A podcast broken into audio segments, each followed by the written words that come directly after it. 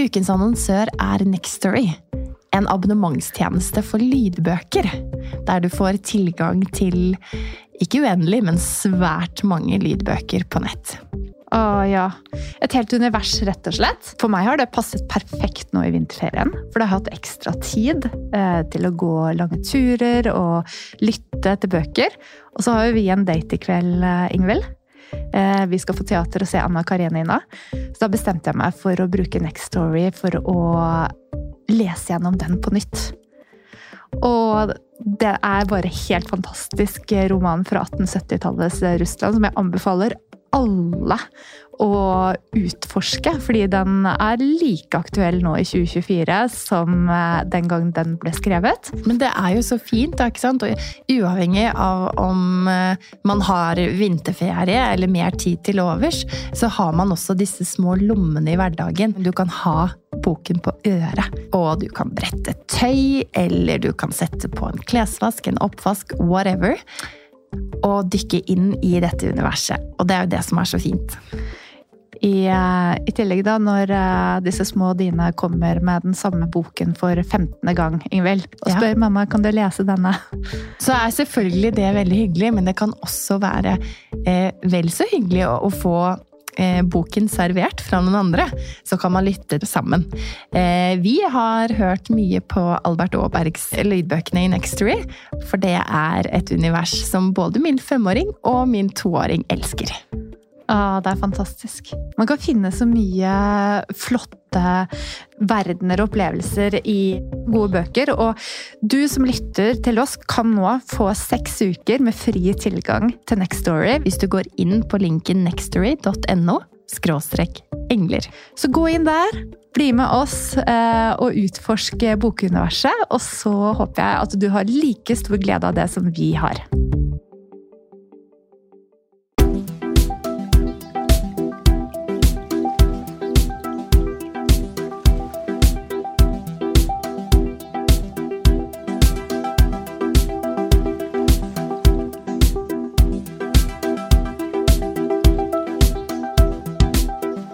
Velkommen til Engler og hormoner. Inspirasjon og ny kunnskap om helse, selvutvikling og livsstil.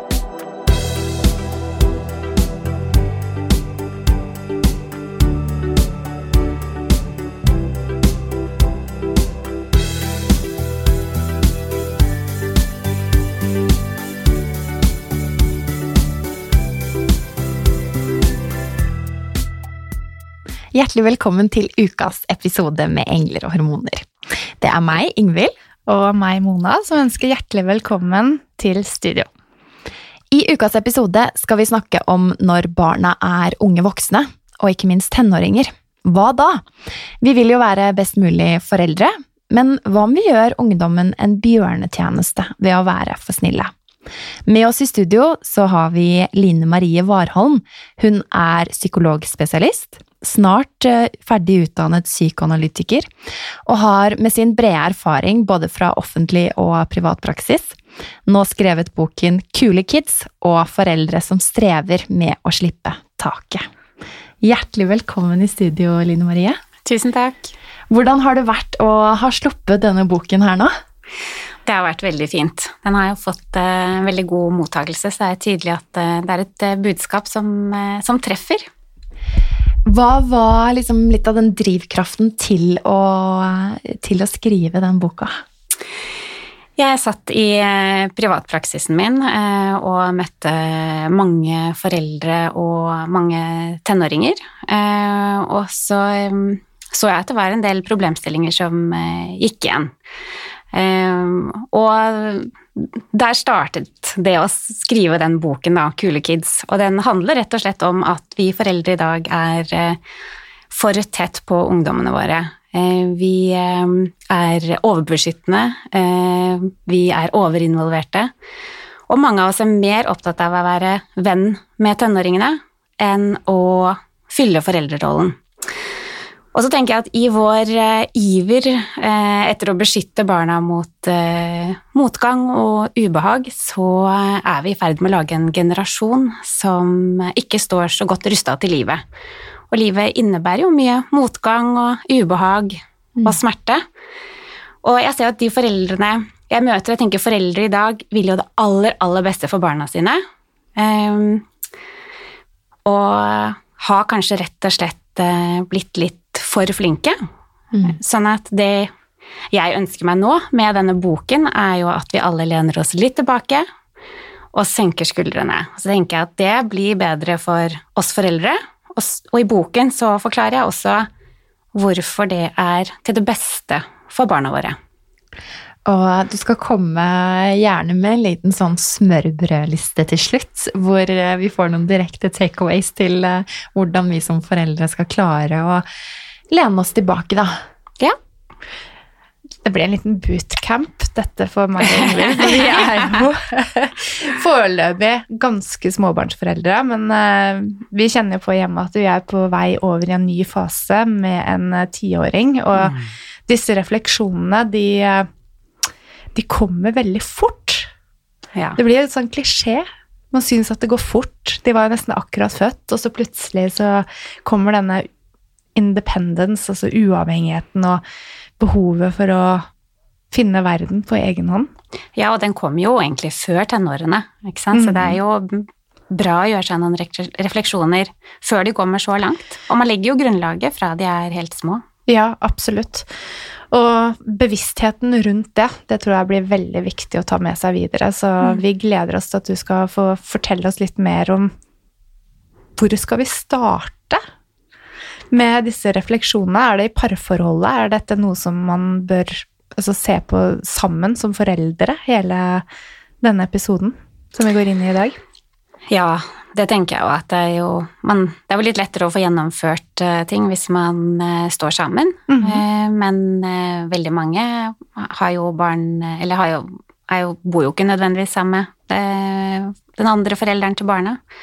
Og da kan det jo være en større utfordring. Og samtidig så tenker jeg at, at man ikke er helt avhengig av at begge gjør det likt uansett. At man kan senke skuldrene og stille kanskje litt eh, krav og sette litt andre grenser likevel. Ja. Og at eh, barn som har to hjem, for eksempel, de tilpasser seg jo det ene og det andre hjemmet. Mm. Mm.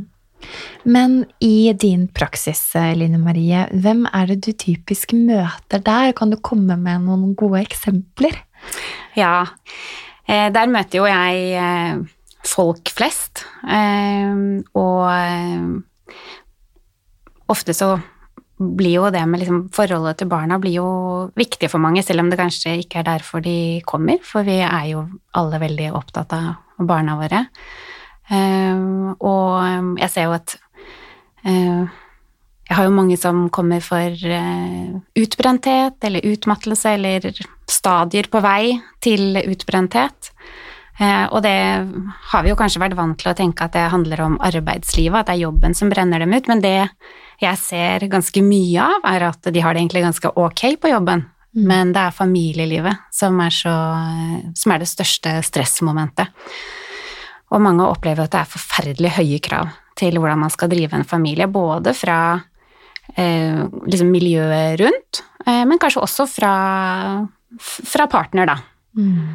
Um, og ja, i boken min så kaller jeg det jo for foreldremafiaen. Den opplevelsen man kan ha av at det er um, noen der ute som, uh, som uh, krever at man uh, er på hele tiden og bidrar kanskje mer enn man har kapasitet til. Mm. 24 menneske.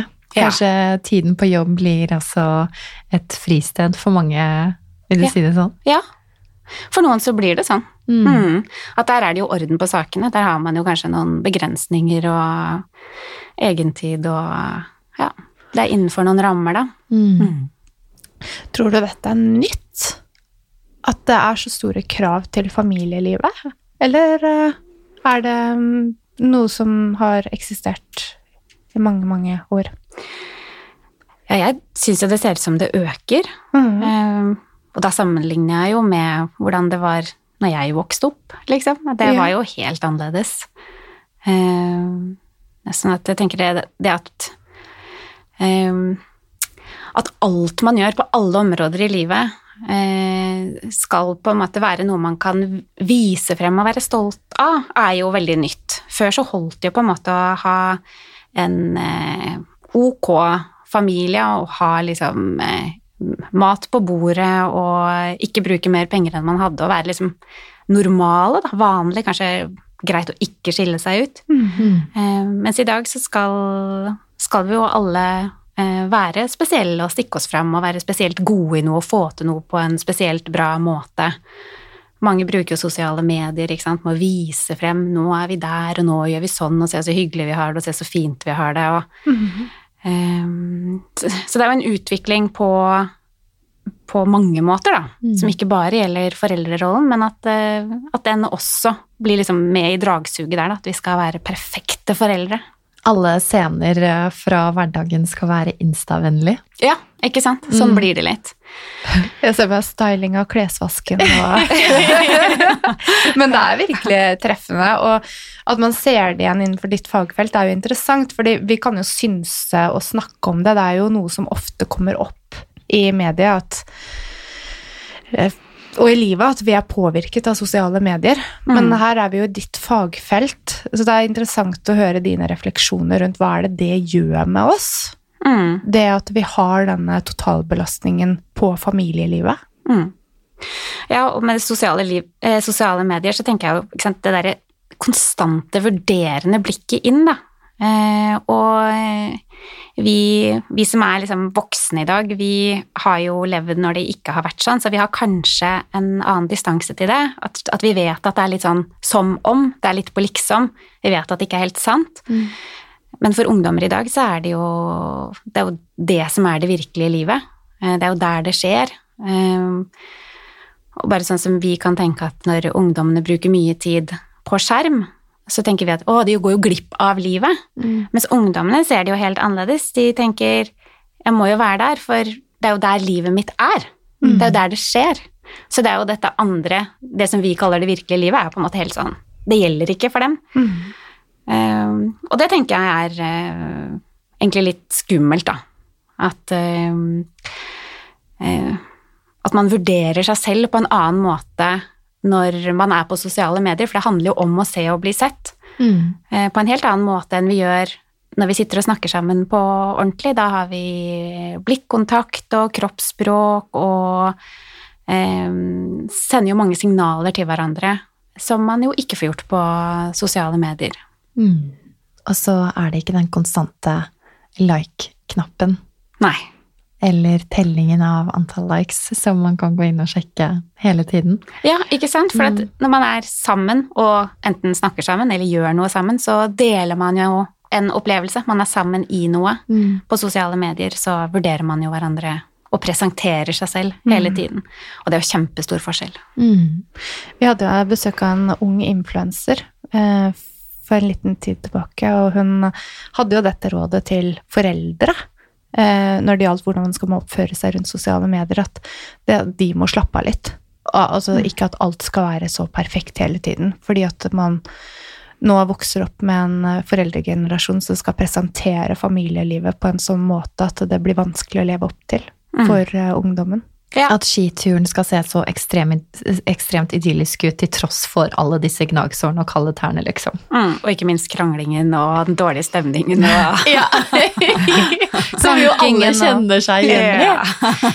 Men hvis vi kommer litt inn på hvordan er det eh, overgangen fra barn til ungdom, hva er det vi skal gjøre her, da?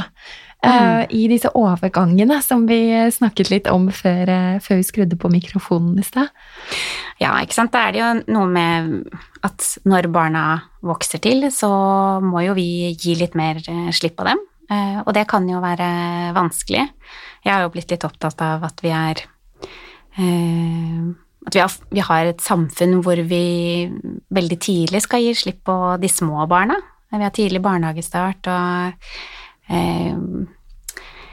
krever jo av de små barna at de skal liksom orke å holde ut og stå i mye. Eh, og så er jeg blitt litt forundret da over hvor vanskelig det er for oss å stille krav til de store ungdommene. Da, hvor mye tilrettelegging man får på skolen hvis man ikke klarer ting helt, eller sant, at det er vanskelig for oss å, å la tenåringene våre stå i utfordrende situasjoner. Vi er raske til å være på pletten og løse det. Og at det er litt sånn Det står litt i kontrast til hverandre, da. Hvor mye vi krever av de små, og hvor mye vi krever av de store i forhold til hva de er i stand til å takle. Eh, og så er det jo mange år imellom der. Eh, og da må jo vi foreldre henge med, da, og, og la de få mer og mer rom for seg selv og tåle mer og mer den avstanden som jo kommer etter hvert. Mm. Men tilbake til de uh, utfordringene med å stille krav til ungdommen, da. Har du noen konkrete eksempler på typiske feller foreldre går i, uh, der man kan trå feil og gjøre det du tror er riktig, men så for utvikling og for det barnets uh, fremtid, så er det ikke det beste. Ja, jeg slår jo et slag for å stole litt på seg selv, rett og slett, i den boka, for jeg tenker at de aller, aller fleste foreldre i dag, de har så mye kunnskap om hva som er bra for barna. Eh, og at kanskje den største feilen vi gjør, er at vi egentlig tenker noe inni oss, og så gjør vi noe annet fordi vi tror at det er sånn man skal være forelder i dag. Og så er jo alle, alle barn er jo forskjellige, alle tenåringer er forskjellige, og alle voksne er jo forskjellige. Sånn at det finnes jo ikke én måte å, å gjøre det på. Og derfor så tenker jeg at det som er viktig som foreldre, er at man finner ut hva syns jeg nå? Hva syns jeg er rimelig? Eh, hvordan ønsker jeg å gjøre dette? Og så klare å stå i det, da. Uansett liksom hvilken situasjon eh, det er. Enten det er å stille krav til at de skal hjelpe til hjemme, eller eh, få de med på hytta, eller eh, en knust mobil som skal erstattes, eller hva, hva, det er, da. At vi bestemmer oss for hvordan det skal gjøres, og så, og så tør å eh, lage litt dårlig stemning. Ja. Selv om det kan bli skikkelig dårlig stemning også, sikkert med en eh, hormonell eh, tenåring i hus. Mm. Ja, for det kan det jo, ikke sant?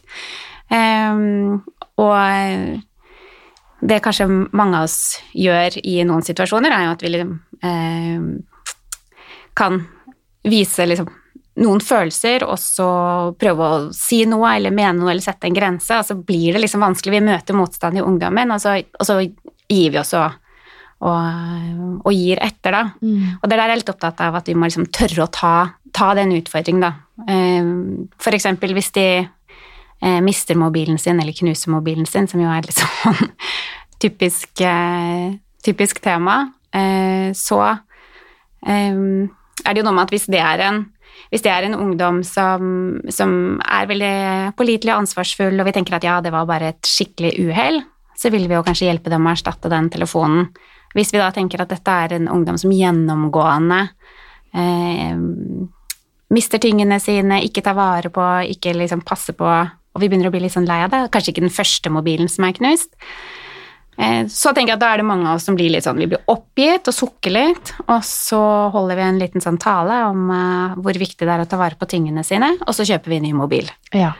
Og der er jeg litt opptatt av at det går an å, å gi mer av ansvaret over til ungdommen for de situasjonene man kommer i, da. At det er en fin måte å, å nærme seg voksenlivet på, hvor man faktisk må stå i ting selv. Mm. At de må fikse litt mer selv. Ja. Ja. Mm. At da må de finne ut hvordan skal de, hvordan skal de skaffe seg en ny mobil da. Mm. Og den ansvarsfølelsen som de da mm, forhåpentligvis kjenner på, den eh, vil kanskje også være med på å bidra til en mestringsfølelse som kommer deretter. Ja, ikke sant. Og det er det som er så viktig. For hvis ikke vi lar de henge litt, altså hvis ikke vi lar de stå i ting som er litt vanskelig og utfordrende, så får de jo heller ikke noe stor mestringsopplevelse når de får det til. Det må jo være litt vanskelig for at det skal gi en eh, stor mestring. Mm. Eh, Men det er jo vanskelig for oss å stå og se på. Ikke sant? Da ser vi jo at eh, det er et ubehag i barnet vårt. Og det kan vi jo være litt raske til å ville fjerne, da. Mm. Jeg skjønner veldig godt hva du sier. Og særlig når du snakker om materielle ting. For det er så dødt, på en måte. Men Mm. hvis vi kan gå over til litt mer emosjonelle utfordringer, mm. som eksempel disse utfordringene der du har en vanskelig situasjon som involverer en relasjon, kanskje på skole eller venner, eller mobbing. Vil du si at det samme gjelder der? At man skal la mm, barna fikse mer selv på disse relasjonene også, uten å gå inn og veilede. Ja, det Mhm. tenker jeg. At man kan si sånn jevnt over. Ja. Og så er jo det som er det viktige for meg, er at vi foreldre har en refleksjon. At vi Mhm. spør oss selv hvorfor går jeg inn og blander meg nå? Eh, og hvis det er eh, mobbing eh, eller alvorlige ting, Mhm. så er det klart vi skal inn og hjelpe til. Eh, men det er jo ikke alltid vi skal inn, og jeg tenker at mange foreldre i dag er nok litt for raske til å være på det. At vi vil rydde opp med en gang. Ja. Jeg tenker på bare sånn den forskjellen som eh, var eh, Ikke sant, når jeg var liten så, og ville leke med noen venner, så var det jo å gå og ringe på døra.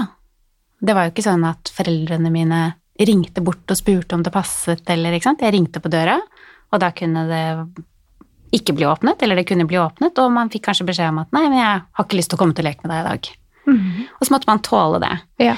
Og sånne situasjoner er jo vi voksne veldig raske til å beskytte barna mot i dag. Vi lager avtalene, og vi passer på at ingen eh, får en opplevelse av å bli avvist. Mm. Eh, og på et eller annet tidspunkt så blir jo ungene våre så store at vi ikke kan beskytte dem mot det lenger. Og da er det jo mange som får virkeligheten litt sånn raskt i trynet, da. Ja, og det ser du kanskje på ditt kontor, at det er en egenskap som ikke er godt nok trent hos dagens ungdom. Ja, eh, og at, at sant, når vi foreldre beskytter barna eh, på alle områder fra de er bitte små, eh, så blir det litt sånn overraskende når man plutselig oppdager at i relasjoner så blir man avvist, og det er vondt. Og det er jo sånn at uh, i enhver relasjon at hvis man skal få satt de grensene man trenger, så, så må man jo av og til skuffe noen eller såre noen eller gjøre noen sinte. Det er, jo, det er jo en realitet som vi må forholde oss til, og det er vondt å sette de grensene. Det er fryktelig ubehagelig, og det er veldig vondt når noen avviser oss. Men sånn er jo livet. Eh, og jeg er ikke så sikker på om det er så lurt at vi beskytter ungdommene eller barna våre mot det eh, helt til de blir liksom veldig store. Mm. For da syns jeg at det har blitt litt sånn i dag at vi eh, Både vi voksne eh, og ungdommene selv snakker jo om helt sånn normale opplevelser eh, som om det var noe, noe galt. Ja. Altså det som er naturlige reaksjoner på helt vanlige livshendelser, eh, blir liksom sykeliggjort, da. Som om, er, som om ungdommen selv er syk, eller som om systemet rundt ikke er godt nok, eller altså det er et eller annet som ikke er bra, da, hvis de opplever noe negativt. Mm. Mens jeg tenker at negative opplevelser er en del av livet. Det tenker jeg er kjempeviktig, og gjerne komme litt tilbake igjen til det. Men det som du nevnte i stad, om det å trene litt på den avvisningen eller løse konflikter på egen hånd eh, Min mor er lærer på barneskolen, hun er så ekstremt opptatt av at barn i lek at de må finne ut av disse konfliktene på egen hånd. Mm. Men det er ikke normen nødvendigvis i skolegården i dag. Nei, det er ikke det. Nei. Nei. Eh, tenker du at det, er, at det er en viktig del av det å ruste? Eh, at det kan starte allerede der, da. Ja, Mm. det tenker jeg. Og der er jeg helt enig med moren din. Flinke mamma! Ikke sant? At vi skal jo Da er det noe med at vi kan jo stå der litt sånn i, i bakgrunnen og følge med. Og så kan vi jo følge med om det er de samme barna det går utover hele tiden, om, eh, om det er noen liksom Ja. Og det begynner å nærme seg mobbing og sånn. Så klart, vi skal jo vi skal følge med, men det er noe med å klare å følge med uten å gripe inn med en gang. Eh, enten det er på barneskolen eller senere. De skal jo Det er ikke sånn at jeg heller tenker at vi liksom skal ikke bry oss om tenåringene våre lenger, men at vi skal tåle å liksom se dem og følge med på hva som skjer, og så tåle eh, å, å oppdage at det ikke er så greit for dem, og så ikke nødvendigvis gripe inn, da. At de må få prøve seg selv. Mm. Og det starter jo på barneskolen og i barnehagen og helt fra, fra begynnelsen av. ikke sant? Det der, og som jeg er blitt så opptatt av, da, at vi må ha en refleksjon rundt det. Vi må ha en bevisst holdning til hvorfor, hvorfor griper jeg nå, og hvordan gjør jeg det. Hvorfor kjennes det ubehagelig ut for meg å være vitne til akkurat dette, eller Ja, ikke sant. Det kan man jo også spørre seg, og, og ofte så vil jo svaret på det være at eh, du er et eh, normalt, varmt og godt og empatisk menneske, og da vil det gjøre vondt å se på andre som lider, ikke sant? Så jeg har ikke en eller annen eh, nødvendigvis en satt diagnose fordi jeg kjenner det sånn. Nei, ikke Nei. sant? Og derfor så blir det også så viktig at, eh, at vi voksne kan tåle det ubehaget? For det er jo ubehagelig for oss å, å se på. Eh, men Og da å vite at det er helt normalt at det er ubehagelig, men da å klare å ikke handle på det. Sånn at vi- vi må jo holde ut vårt ubehag mens vi ser på at barna våre lærer å holde ut sitt ubehag. Ikke sant? Også eksempel med kjedsomhet, da, som, eh, som mange foreldre syns det er vanskelig å se på i barna sine. Nei, du rister på hodet. Ja, nei, jeg syns at når de sier at de kjeder seg, da er jeg litt sånn Yes, nå skal jeg se hva som skjer. Ja. For det tar jo ikke lang tid før de er i gang med et eller annet som, som er mye mer kreativt enn eh, ja, det jeg kunne ha satt i gang. Mm. Uh, og det syns jeg er veldig morsomt. Uh, men der, der er jeg litt redd for å la de gå til skjerm når de kjeder seg, for jeg vet ikke om det henger på greip at jeg er litt redd for den hormonelle responsen de kan få sånn lett tilgjengelig, istedenfor å bruke kreativiteten til, sin til å sette i gang egne prosesser. Mm. Ja, og det kan vi jo kjenne på i oss selv også, ikke sant? hvor lett det er å, å ta opp mobilen og ty til en skjerm så fort det liksom er noe som mangler eller eh, blir kjedelig, eller eh, Og at det lager en passivitet i, i oss. eh, og da er det jo klart det gjør det i barna og tenåringene også. Og de er jo mye mer sårbare for det enn oss, for de er jo i utvikling. Eh, også som du sier, da, at du ser jo det da, at hvis du lar de få henge litt i den kjedsomheten, så kommer kreativiteten. Eh, og når man ikke tillater den kjedsomheten noe, så kommer jo ikke de lukene hvor kreativiteten oppstår, eller hvor liksom litt sånn dypere tenkning, eller lange tankerekker, eller ikke sant. Det, det blir jo ikke noe rom for det. Um, så jeg tenker at det er veldig viktig, og eh, bra at du Mm. har klart å stå i det, og tør å utfordre barna dine på det, for det er jo veldig mange som ikke klarer det, og som da Jeg kan kjenne på det selv, eksempel, at eh, hvis jeg setter en grense for barna mine, så føler jeg et ansvar for å invitere dem inn i en annen aktivitet, at jeg finner på liksom sånn Ja, men skal vi Vi kan jo spille kort, eller vi kan jo gjøre et eller annet, eller skal vi bake noe, eller ikke sant? At jeg føler et ansvar for å underholde dem når jeg tar fra dem uh, muligheten til å være på skjerm. Ja. Så, mm. Det er Så- spennende at, uh, at du uh, også gjør det. At du også kjenner på det. Ja, jeg kjenner på det. Så du har mye ubehag du også, det er ikke bare oss. Nei, jeg har masse ubehag, og det For meg så har det jo vært en lang reise å komme, eh, komme i- dit jeg er i forhold til barna mine nå. Mm. Jeg var jo absolutt en som skulle være en sånn eh, perfekt mamma, og som skulle sørge for at barna mine aldri følte noe ubehag eller eh, ja. Det ligger jo veldig instinktivt i oss. Mm.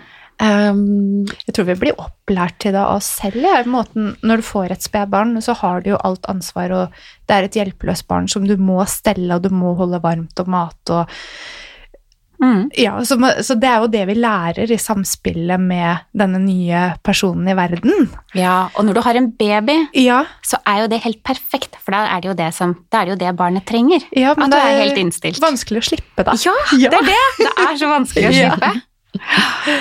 Men der tenker jeg også ikke sant, at det er noe med den kulturen vi har laget, da, hvor eh, vi nå løfter veldig frem alle de myke sidene ved det å være forelder, og så er det liksom ikke lov til å være sint og irritert, eh, eller eh, vise den type negative følelser, Mm Mhm. Eh, og de fleste av oss syns jo kanskje at det av og til er litt vanskelig eller stritt eller slitsomt med de barna også, ikke sant? Det er jo ikke bare kos hele tiden, det er mange situasjoner vi står i. Eh, så jeg tenker jo at vi kan jo få litt hjelp av følelsene våre også i det å slippe taket. At det å kunne tillate seg å kjenne irritasjon og sinne og um, istedenfor å lukke de veldig ned, så kan jo det gi oss også en kraft til å sette de grensene vi trenger, og gi litt slipp, da. Mm. For i bunn og grunn så vil det at de voksne passer på å sette grenser, det er vel noe de aller fleste ungdom vil i hvert fall se tilbake på og være veldig takknemlig for. Mm. Ja, og vi kan jo tenke at det å eh, være litt sånn kompis med tenåringene, kanskje fordi vi ønsket oss mer av det selv når vi var tenåringer, da. Eh, at det liksom er det som er bra. Men, men for, for, en ungdom så er det en stor trygghet at det er eh, at man fortsatt har en voksen forelder som man ikke kan snurre helt rundt uh, lillefingeren. Mm. Uh, for barn får på en måte litt den opplevelsen av foreldrene sine at hvis jeg kan manipulere deg, hvis jeg kan pushe deg og presse deg sånn at jeg får det akkurat som jeg vil, da kan ikke du beskytte meg mot noen andre voksne heller. Og det er ganske utrygt. Ja. Og der kommer det med å tørre å være litt sånn autoritær, for da viser du også at du er stor og sterk og trygg, og det gir eh, en opplevelse av trygghet for barna. Og selv om tenåringene våre er øh, voksne og mestrende og får til mye, så er det jo også en veldig sårbar fase, øh, hvor det fortsatt er godt å kjenne at det er noen som står der og, og kan gi motstand. Mm. Det er som du skriver selv, da, Line Marie, det å være røttene og ha røtter mm. som foreldre. Ja, ikke sant. Og, og, og også tørre å eh, være de kjipe, mm. ikke sant. At vi ikke eh, blir en sånn kraft som, som drar ungdommene vid... Liksom presser de mer, da, og mange ungdommer føler jo at de er utsatt uh, for mye stress og press, og da er jeg liksom opptatt av at vi må tørre å være de litt sånn kjipe, eh, gammeldagse som ikke helt forstår at det er så viktig å være på sosiale medier. At det, liksom det å, eh, å, ikke være så forståelsesfull, da, eh, er en fin motvekt. Mm. Mm. Det er veldig interessant at du sier. Er, er det mange som er uenige med deg i det i fagmiljøet? Kan jeg spørre om liksom, hvor stor konsensus er det i forhold til denne retningen eh, å tilnærme seg barn og f.eks. digitale medier på, da? Ja, jeg tenker at, eh, at, jeg kanskje har et litt sånn nytt perspektiv. Mm -hmm. og derfor eh, At det er derfor boken min har fått så stor oppmerksomhet også. Fordi det er ikke så mange som har sagt akkurat på den måten før. og så er det jo kan man jo ha mange fornuftige perspektiver inn mot det å være tenåringsforeldre. Mm. og så er jo dette Min bok er jo én én stemme, da. Eh, og så er det jo på en måte ikke så, så kontroversielt allikevel. Eh, mye av grunnlaget for eh, boken er jo tatt fra NOVAs ungdataundersøkelser, eh, og det er jo eh, informasjon som er tilgjengelig for alle. Men, mm. Eh, men, dette er på en måte mitt blikk inn på det, da. Ikke sant. Og så håper jeg jo at jeg klarer å stille en del spørsmål. Eh, og jeg er jo mer opptatt av å få foreldre til å eh, tenke selv enn å fortelle dem akkurat hvordan de skal gjøre det. Ikke sant? Det er ingen protokoll eller uh... Nei, så selv om mm. boken jo, har jo mange ganske konkrete tips, så er jo de tipsene også på en måte noe som skal hjelpe en i å tenke når man står i en konkret situasjon. Mm. Um, og at, at, alle foreldre må måtte ta sine egne avgjørelser om hva som er best for uh, sitt barn. Og så kan man ha med seg uh, mye tenkning inn, da. Men uh, det har kanskje vært sånn en stund at vi er veldig opptatt av å ha masse informasjon og forstå veldig mye av hva som skjer med tenåringene, og hva som skjer i hjernen, og at, at liksom det å å forstå dem eh, og ikke stille krav til dem skal være noen god løsning. Og der er jo kanskje jeg uenig, da, mm. hvor jeg mhm. tenker at ja, det er jo greit det, at det er veldig vanskelig for en 15-åring å rydde rommet sitt, men det betyr jo ikke at vi ikke skal be 15-åringen om å rydde. Mm. Men vi trenger ikke å bli så veldig bekymret når vi syns at, uh, at tenåringen vår er rotete. Det er jo forskjell på det. At vi må fortsatt stille de kravene og prøve å oppdra ungdommene våre, men samtidig vite at det også ligger i det å være ungdom at uh, man ikke alltid hører på foreldrene sine. Mm.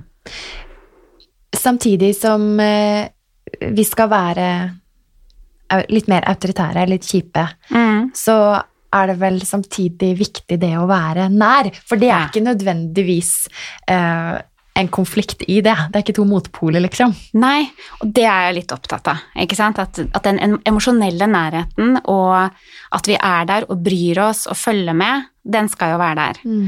Eh, men da i en form som en forelder, og ikke som en venn. At vi eh, Og det er jo litt sånn norsk kultur òg, at vi er veldig glad i det egalitære. Vi vil jo at alle skal være liksom på samme nivå. Så det å tørre å være den som bestemmer, Mm. å være den voksne, da, at det er, eh, det er viktig. Og engasjere til de gode samtalene. Ja. Har du noen eh, gode tips til foreldre på det, på hvordan man skal eh, få til å snakke med en ungdom som kanskje er veldig lukket inne i seg og sitt? Ja. Jeg har jo Jeg skriver litt om det i, i boken, og det som kanskje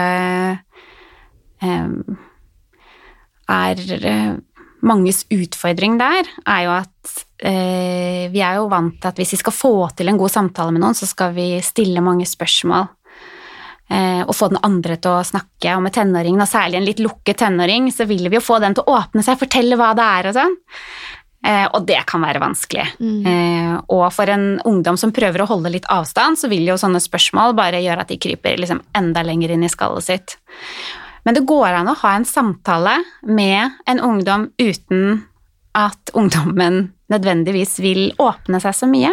Ikke sant? For vi kan jo si masse. Um, uten å kreve å få så mange svar. For det å stille mange spørsmål eh, kan jo fort føles som den andre at man blir stilt litt til veggs og skal ha noen svar. Eh, og når man er tenåring og det er masse følelser og kaos og sånn, så er det jo ikke sikkert at man Altså hvis en, hvis en forelder kommer og spør ja, hva er det for noe, hvorfor er du sånn, så tenker jo kanskje tenåringen altså, hvis jeg hadde visst det, så hadde det jo ikke vært noe problem, liksom. ikke sant? Det er jo ikke alltid man har et svar.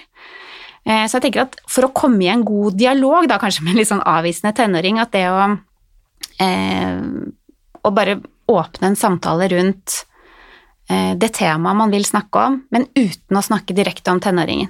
Man kan snakke om hvis det skjer noe i media, eller en, man ser en film, eh, eller har lest en bok, eller man har hørt Altså man kan fortelle en historie, eller lage en historie som en, liksom en kollega har fortalt på jobb, eller liksom gripe muligheten til å snakke om et gitt tema, eh, men ved at det liksom angår noen andre, da. Eller at man kan fortelle fra sin egen oppvekst, eller fortelle om sine egne tanker.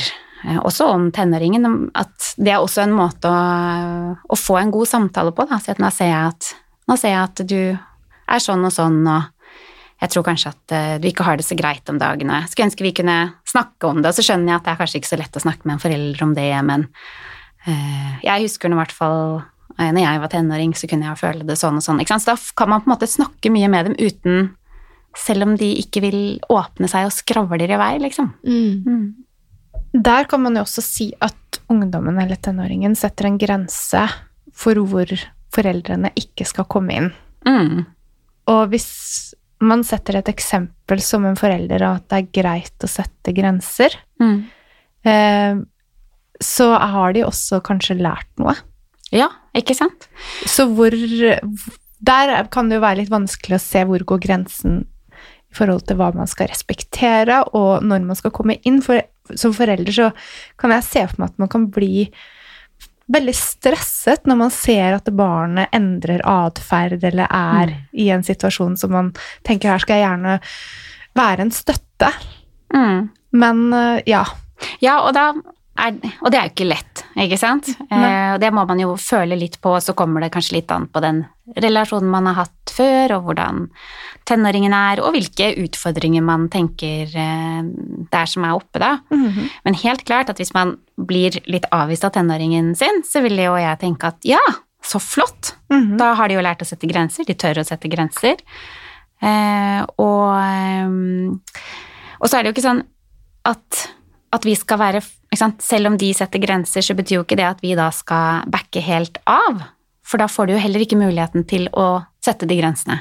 Ikke sant? Det er jo noe med at hvis vi prøver oss litt, uten at vi skal invadere de helt, men, men ved at ikke vi tillater det helt også, da blir det jo nettopp litt sånn eh, friksjon, ikke sant. Det er da de får liksom brynt seg ordentlig på å, å sette de grensene. Eh, sånn at, eh, at eh, Ja, jeg ble jo litt sånn opptatt av det med den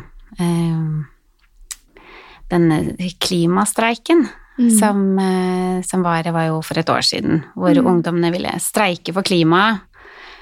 og så begynte man å snakke om at ja, det er et ungdomsopprør, og nå skal de streike for klimaet. Sånn. Og, og det liksom, de voksne begynte å diskutere da, var jo om man skulle gi ungdommene fri fra skolen for mm. å streike for klimaet. Og så tenker jeg, men det blir jo ikke noe opprør da, hvis man gir dem fri for å streike for klima. det er jo ikke noe streik da. Nei, det er et godt poeng. Sånn at vi er så på tilbudssiden at uansett hva de prøver å gjøre Så nå, nå, nå, nå gir vi ungdommen fri til å streike. det blir ikke noe streik, det blir ikke noe, noe opprør i det hele tatt. Nei, det får litt mindre gjennomslagskraft, rett og slett. Da. Ja, ja. Og da lukker vi jo igjen alle mulighetene for at, eh, at ungdommene på en måte får brynt seg og får liksom eh, finne sin vei. Og det er jo viktig å få lov å løsrive seg og finne sin egen identitet og gå sine egne veier, ikke bare labbe etter foreldrene i de samme sporene, ikke sant. Eh, så jeg tenker at det er veldig viktig. Og, og at vi at, at de får ta avstand til oss, sånn at de kan bli De skal jo først og fremst bli mammaer og pappaer i sin nye familie. Mm. Eh, og ikke være sønn eller datter i opprinnelsesfamilien. Så denne løsrivelsesfasen som skjer i ungdomstiden, er jeg veldig opptatt av at, at den, den, må få gå, da. Ja. Mm. Vil det kunne være med på å bygge opp under et ekstra prestasjonspress for de barna som blir sånn etterdiltere etter en mor og far? Ja, det tenker jeg. Eh, da ja, da skal du kanskje bare fylle, fylle en rolle, og, og, og, særlig med de foreldrene som eh, er veldig involvert i barnas aktiviteter og stiller opp, og kanskje særlig sånn fritidsaktiviteter, og hvor hele familien kanskje er litt sånn engasjert i at, uh, at barnet skal bli skikkelig god i noe, da. Mm. Uh, det skaper jo i hvert fall et press. Og der opplever jeg at ungdommer sitter hos meg og sier at ja, jeg har kanskje ikke så lyst til å fortsette med med den, den, den skigåinga, liksom, men, men eh, mamma og pappa har lagt så mye i det, og de stiller sånn opp, og, mm. og da føler man et press, da, på å bli god fordi eh, foreldrene er så engasjerte. Ja. Og det tror jeg at vi kanskje ikke helt reflekterer over. For jeg hører jo at de samme foreldrene sitter jo og bekymrer seg over det presset som er på ungdom i dag. Det er jo foreldre som ringer til meg, bestiller time til tenåringene sine og sier at det, ja, det er så mye stress og press for denne ungdomsgenerasjonen.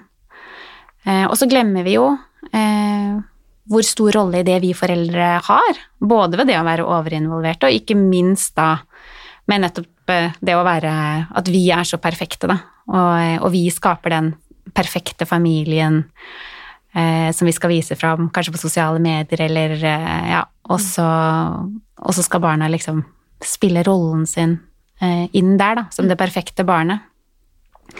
Sånn det at vi er Vi må være gode rollemodeller eh, for barna.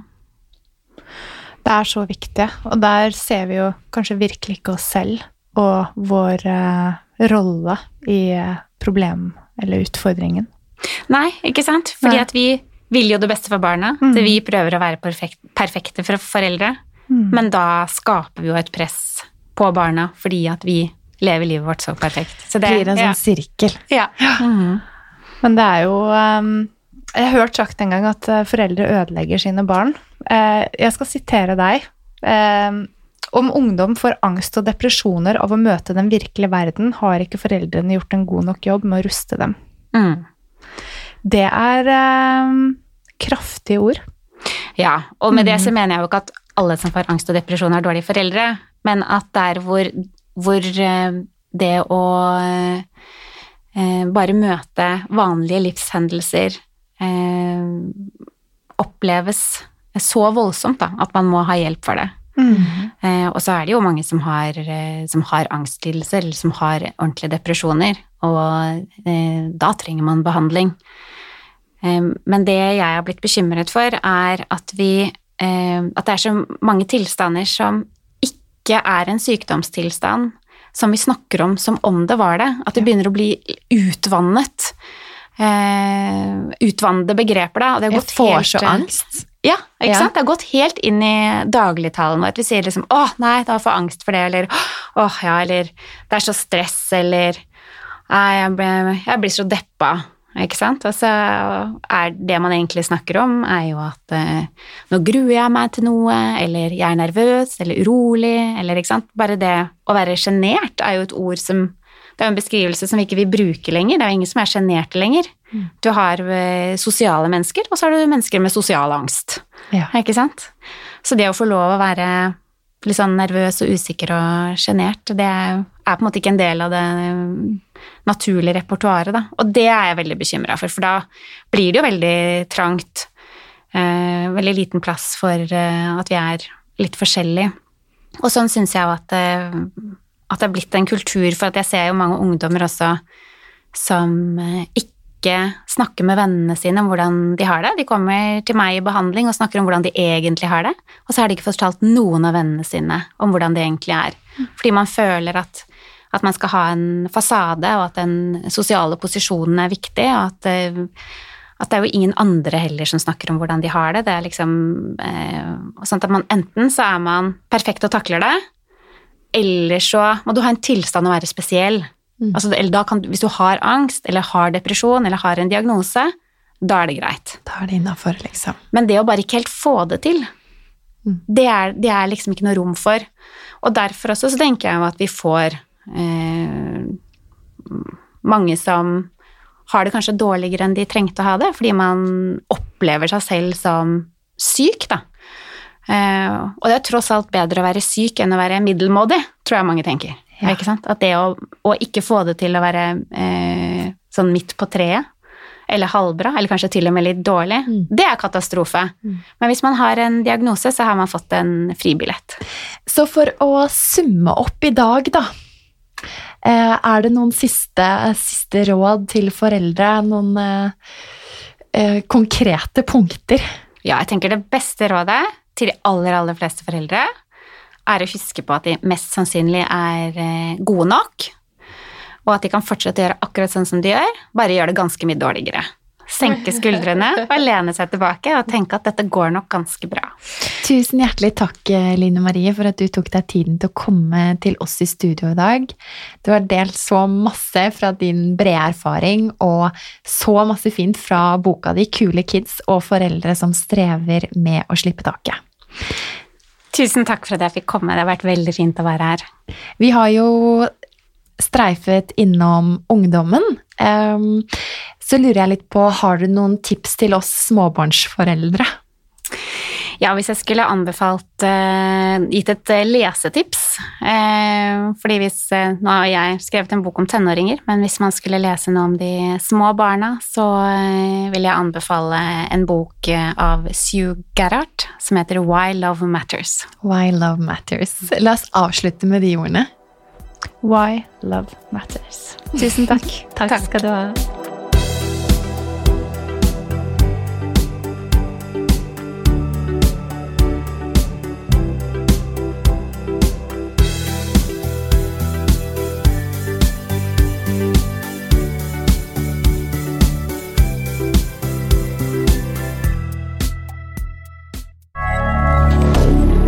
moderne media.